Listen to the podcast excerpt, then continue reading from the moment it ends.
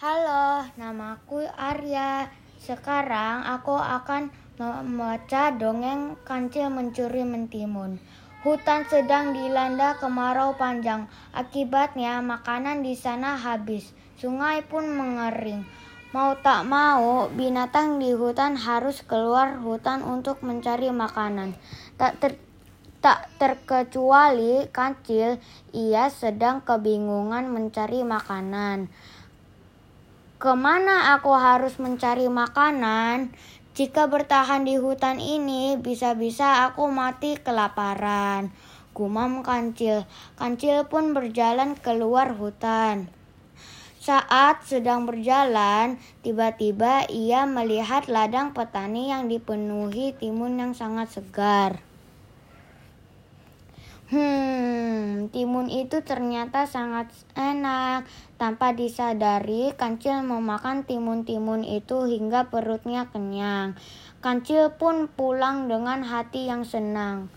Aku tak perlu pergi dari hutan untuk mencari makanan. Di ladang petani ada banyak sekali makanan gumam kancil. Benar saja hari-hari berikutnya. Kancil sering mengunjungi ladang petani. Ia memakan timun-timun milik petani.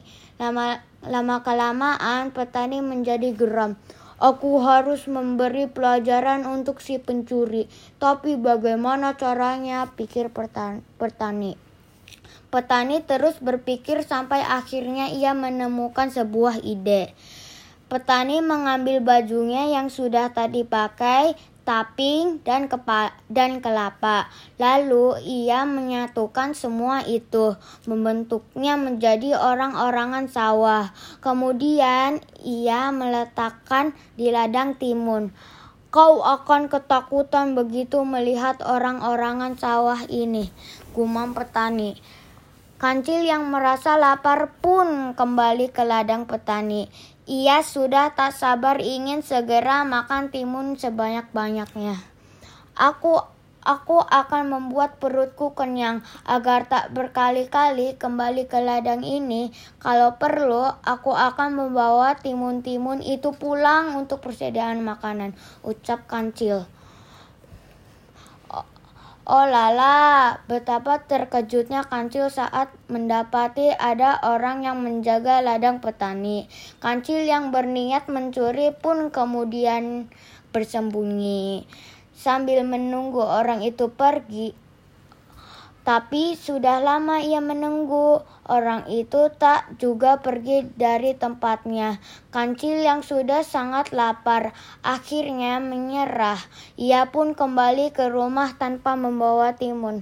Sekarang pesan dari moral. Dari fabel cerita rakyat, kancil mencuri mentimun adalah jangan tiru sifat kancil yang suka mencuri. Mencuri adalah perbuatan yang tidak makasih yang tidak baik yang bukan hanya dibenci oleh orang lain tetapi juga dibenci Tuhan. Makasih. Bye bye.